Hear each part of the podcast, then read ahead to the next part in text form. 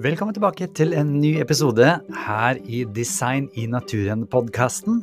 Jeg heter Chris Duve, og jeg vil bare minne deg på at du kan ta hele kurset her helt gratis med 38 forskjellige eh, informasjonsvideoer som da er lagd en podkast ut av, hvis du går inn på chrisduve.no og klikker deg inn på Design i naturen-kurset.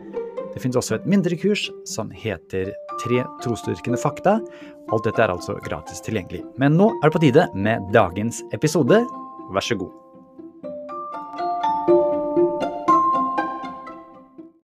Hei, det er Chris her, og i denne leksjonen skal det handle om Kan evolusjon endre proteiner?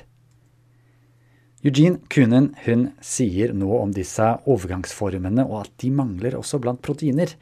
Hun skriver i Biological Big Bang Model of Major Transitions for Evolution Hovedovergangene i biologisk evolusjon viser det samme mønsteret med plutselig fremkomst av nye nivåer i kompleksitet. Eksemplene som viser dette, er bl.a. hvordan proteiner foldes, altså proteinbretting. Overgangsformer kan ikke bli identifisert. I denne leksjonen skal det handle om Little Problem til Douglas X. Kan proteiner endres litt for å få til en ny funksjon? For det må kunne gå an. Skal du få til en mikrorevolusjon, så må ting kunne endre seg litt og litt og litt for å få store endringer. Men dr. Douglas X han syns disse utfordringene som han har testa, utfordrer makroevolusjonen. But Axe's experiments raised two problems for this and other Darwinian claims. I refer to these as the big problem and the little problem. One is the big problem of inventing an entirely new protein structure to do something new. And the smaller problem is tweaking an, an existing structure so that it does something slightly different. Clearly, one of these is more challenging than the other. And my work early on showed that the bigger problem was, was beyond the reach of evolution. You have to get too much right in order to get a new structure to form, in order for accidental causes to get these new structures. So, my colleagues and I, and Gager in particular, started to look at the smaller problem, which is can you take an, an existing folded structure and evolve a new function for it? And somewhat surprisingly, we found that even this smaller problem is too hard for Darwinian evolution, at least in the cases that we've examined. The number of changes you have to make to an, existing structure to get a new function to be per performed by it is uh, beyond what you can get by um, random mutation, by Darwinian evolution. Legg merke til det han sa her med 'the number of changes', for det er blitt mange forandringer til for å få en ny funksjon. Vi kommer straks tilbake til det. Men big problem det var jo det med kan evolusjon lage altså nye proteiner ved naturlige prosesser, og det fant vi ut er ikke mulig i universets levetid med de organismene som har vært osv. Så, videre. så det kan vi se bort fra. Men så er det kan man endre eksisterende proteiner? Du husker kanskje den flagellmotoren som vi var borti med Michael Behe. Skal du bygge den, så må du lage nye proteiner som gjør de jobbene som må utføres for at motoren skal fungere. Vi var borti at dette er bygd av proteiner, ikke sant? Det snurrer og i noen eh, bakterier i 100 000 omdreininger i minuttet. Noen sa da at jo, en sånn nål som vi ser til venstre, kan ha endra seg, kan ha endra proteinene for å få til denne flagellmotoren. Problemet her var at flagellmotoren faktisk fantes før nåla. Så muligens så har flagellmotoren blitt mer og mer ødelagt for å lage en stillestående spiss, hvem vet? I alle fall så er det snakk om disse endringene, og da må du endre flere ting samtidig. Og det gir en stor utfordring. La oss høre litt med dr. Michael Behe. Critics of Behe had suggested that natural selection could build complex new machines such as the flagellum by co-opting simpler molecular machines made up of several protein parts. But Axe's research seemed to show that co opting even one existing protein to perform a slightly new function was beyond the reach of the Darwinian mechanism. After Dover, Behe published a new book that helped explain why.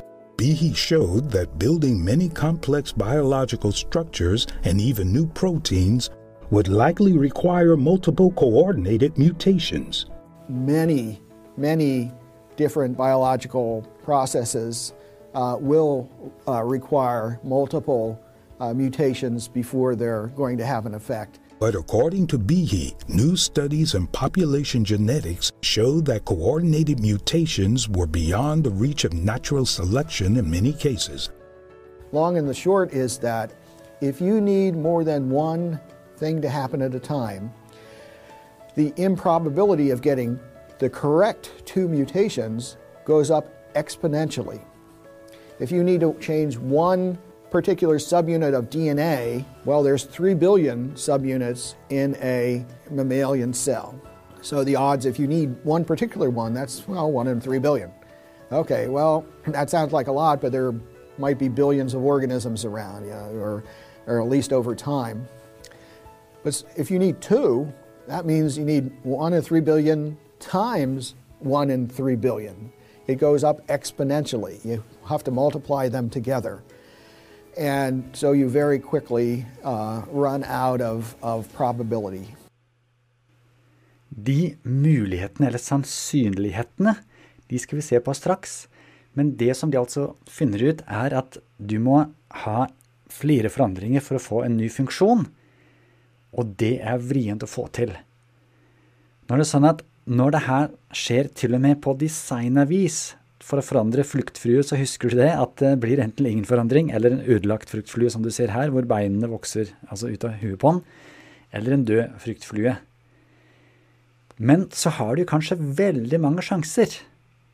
Hva vil det si med sannsynlighet? Og her bruker Douglas X et eksempel med alfabetsuppe. Jeg vet ikke om du har spist eh, sånn før, men du kan forestille deg at det er pasta som er lagd av bokstaver. Og han skal nå forklare hvordan sannsynlighet av å få noe som passer, noe som stemmer, noe som fungerer, er i alfabetsuppe, og derfor også i proteiner. Følg med nå.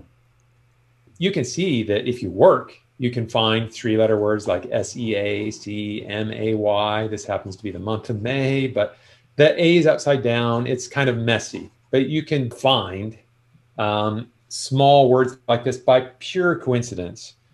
Um, that's not very hard and it's not very amazing. Uh, here's a four letter word, rose. But again, you have to do the, most of the work. I mean, so you have the R O S E, but they're not arranged very well. You have to kind of go around in a circle.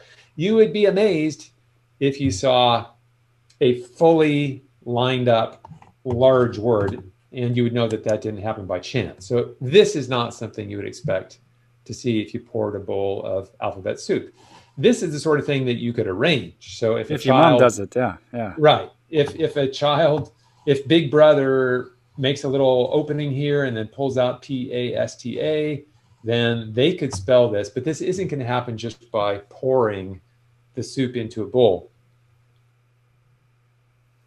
Så det er på en måte usannsynlig, ikke sant? Men hvor usannsynlig er det? Vi så jo på det at uh, antall organismer har levd Eh, er 10 med 40 nuller. Antall mulige proteiner fra 150 aminosyrer er 10 i 77., som er mer enn det er atomer i Melkeveien. Altså det er jo bare 10 i 80. atomer i hele universet. Så det er kjempesvære tall. Men hva betyr det at det er en eh, sannsynlighet? La oss regne litt på det, for det er ikke bare sånn at vi kan si å, det er så fantastisk, det må være designet. Eh, fordi da blir det bare Vi veit ikke, derfor eh, noen har lagd det. La oss se om vi kan vite noe, vi kan regne ut sannsynlighet. Og her kommer det et nytt eksempel. You can do a simple calculation where we just say, how special are these empty squares relative to this? And how special are these five squares relative to this? And if we do just a simple crude calculation, we'd say that the 18 surrounding squares are maybe one in 10 unusual, which means you'd have to look over um, 10 squares here to find one that's cleared. It, it actually looks like I'm being generous. It looks, it's probably more unusual than that, but certainly at least that kind of unusual. And the five in the middle are something like one in a hundred unusual because not only do these ones have pasta letters in them, but the letters are arranged correctly and they spell something. So you can't just put any letters here. You have to arrange them and you have to choose your letters correctly. So that's that. These are more unusual than these, but they're all somewhat unusual. Well, if this is roughly correct and the numbers don't have to be exact, you can do a calculation to say how likely would it be that you could just pour this soup into a bowl and get that kind of arrangement? And it, the answer would be it would be one in some large number. That large number is 10 to the 18th power because you had 18 of those squares are 1 in 10 squares, and then 5 are 1 in 100. So it'd be 1 in 10 raised to the power 18 times 100 raised to the power 5. That's a lot of soup. that is a lot of soup because if you multiply that all out, it's 1 in, I think this is 10 octillion. Okay. So there's no way you could fill the oceans with soup. There's no way you would have ever have this much alphabet soup, which means there's no way this would happen by accident, which means the four year old who didn't have to do this was right. The four year old is right. Gi sønnen min et papirfly. Gi sønnen min et krølla ark. Han er fire år. Han kommer altså med treåringen, til og med. Altså, det er ikke noe du ser, Dette er informasjon ikke sant? All vår erfaring tilsier det. Skal komme litt tilbake til Ja, men det er jo ikke null, det er jo 0,000. Så det er jo en mulighet. Komme tilbake til det. Men husk nå at boken som Darwin skrev, het Artenes opprinnelse, 'Origin of the Species Original'. Det, det er oppfinnelser. Altså det, det er noe nytt, noe som skjer. Og hvor kommer dette nye fra? Et eller annet må produsere noe nytt. Og, og, spørsmålet er kan mutasjoner, for det er egentlig det vi har å gå på, kan tilfeldige mutasjoner få til dette her? Etterpå skal det bli utvalgt, men det husker du fra den skåla med godteri. ikke sant? Du velger bort, men altså utvelgelse det skaper ingenting. Det er mutasjonene som må lage noe originaler her. Kan mutasjoner få det til? Kan vi få disse oppfinnelsene på naturlig, tilfeldig vis? Mutation. But the problem is when you look at what mutations actually do to genes, to organisms, they don't produce these interesting things to select with. There are a few uh, exceptions that really don't go in the right way. They tend to be breaking genes, and you can sometimes select the outcome of a broken gene, but that's not invention. And the whole point of Darwin's theory was to explain the origin of species, the origin of new things. So invention and selection doesn't do that. Mutation, which he didn't fully understand because he was writing in 1859 before we knew what DNA was, so he didn't. He thought assumed there was some process that gave naturally variants of an interesting kind. And if that's true, then selection would be a way that you pick a path through these interesting variants. But it turns out there is no mechanism that gives these interesting variants. There is no mechanism that gives these interesting variants. Det blir variasjon, det blir devolusjon, ikke sant? Det har vi fått bevist av Michael Behe. Ja, du kan få en isbjørn ut av en brunbjørn. Men nye oppfinnelser, og det er det som må til. Gradvise nye ting som forandrer f.eks. For proteiner. Det kan vi altså si vi ikke har noe bevis for. Så vitenskapen har egentlig nå vist oss at eh, makroevolusjon er vanvittig usannsynlig, og mikroevolusjon i forhold til det på proteinnivå er veldig, veldig, veldig, veldig usannsynlig. Men muligheten er ikke null, kan noen si. Ja, da er det en liten mulighet. Altså, folk vinner jo Lotto. Men her er det viktig å se hva er det som er en vitenskapelig teori. Og hvis en vitenskapelig teori skal vise noe, så bør jo teorien vise at det er sannsynlig at noe skjer. Altså en teori som viser at det nesten er så usannsynlig at det er null, omtrent null sjanse til at det skjer, er egentlig det en vitenskapelig teori. La oss høre litt med eh, dr. Douglas X. What makes an explanation a scientific explanation, and what would make it a non-scientific explanation? And probabilities do weigh into that. So if a scientist wants to say, here's my explanation for how this happens, then for that to be correct, they're saying, um, given these circumstances, this outcome becomes probable. And that's why I say, if I explained it scientifically, if you have these conditions, this is what you expect to come out of it. That becomes a scientific explanation. If you're simply saying, if you have these conditions, it's not mathematically utterly impossible for this to come out, that's no longer a scientific explanation because you could say all kinds of things that are complete nonsense that nobody believes, for which the probability is not precisely mathematically zero. I mean, you could throw, we could go back to the alphabet soup and say if you have a big vat of it, for it to have an entire essay spelled out, an excellent essay spelled out in letters by pure accident, the probability is not mathematically zero. It's just so low that we absolutely know that will never happen. And you'd be crazy if you thought otherwise. you would be crazy. Jeg tror ikke at folk er crazy som tror på evolusjon. Jeg tror det er en rasjonell tanke bak det. Men spørsmålet er er den rasjonelle tilnærmingen noe som stemmer med virkeligheten. Og det har vi nå sett på proteinnivå ikke skjer. Og da er det også vrient å få til sommerfugler og alt det andre som er eh, flagellmotorer og det du kan komme på. Så den usannsynligheten er rett og slett noe som tilsier at det ikke skjer. Og ikke bare er det usannsynlig én liten gang med én liten endring i et protein, men du må jo ha tusenvis av proteiner, du må ha tusenvis av overgangsformer, og alle de andre tingene som vi har snakka om hittil. Derfor skal vi neste gang snakke om noe som Stephen Meyer sier er the God hypothesis, Gud-hypotesen. Det skal bli en spennende både oppsummering, men også nye tanker om hva det betyr, det vi har lært hittil. I denne leksjonen har du lært Little problem er ikke enkelt for evolusjon heller. Sannsynlighetene for å bygge om et protein er nesten null. Det betyr at det ikke skjer i virkeligheten. Hva betyr denne sannsynligheten? Jo, det har vi sett på med alfabetsuppe.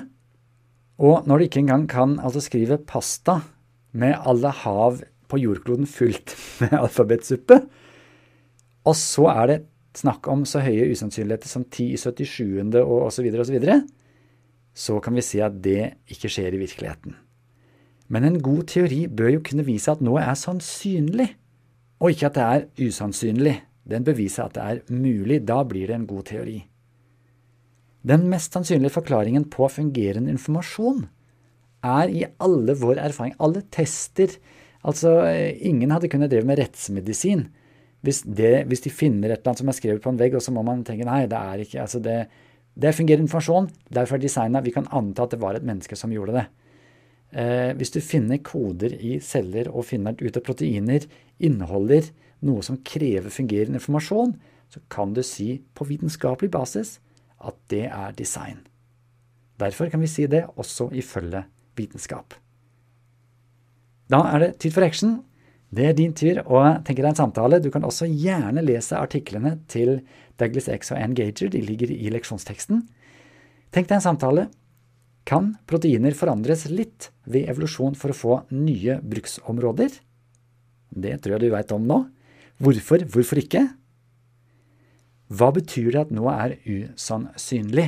Har du et eksempel på det? Med noe suppe, kanskje? Kan du forklare litt om det?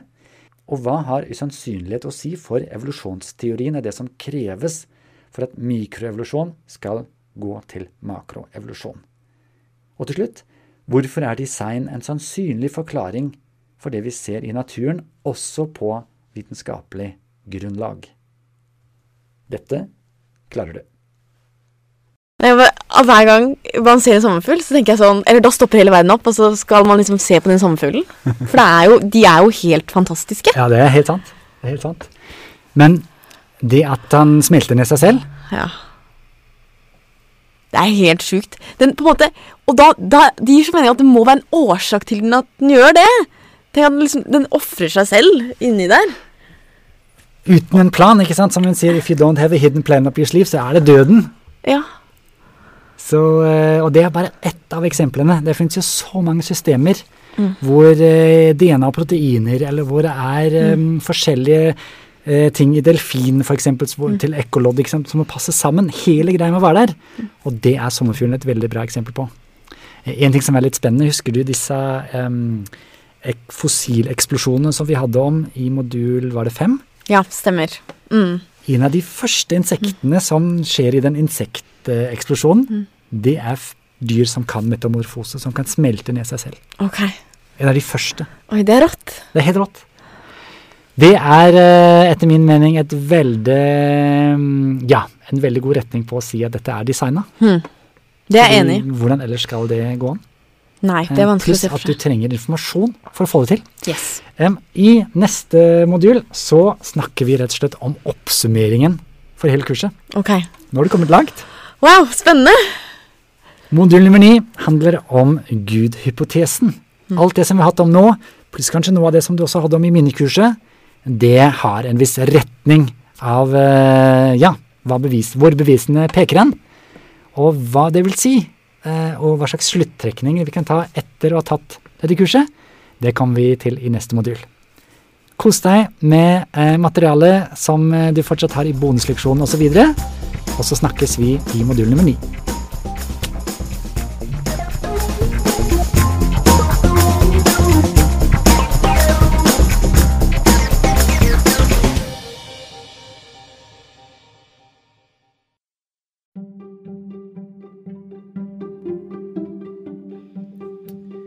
Igjen, dersom du ønsker å få tilgang til de hjelpearkene eller oppgavearkene, så er det jo fullt mulig for deg å signe opp til kurset. Da går det an å laste det ned. Hvis du går inn på chrisduve.no, så ser du all informasjonen der.